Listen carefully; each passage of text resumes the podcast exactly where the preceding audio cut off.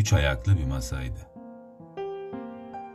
Olmasaydı dirseklerim, yalandı. Nefes alsam, yıkılacaktı. Bereket aklım başımdaydı. Bir kere hapşırdım, çok yaşa dedi biri. Hapşırınca değil, yaşa deyince dağıldı. Gördüm ki.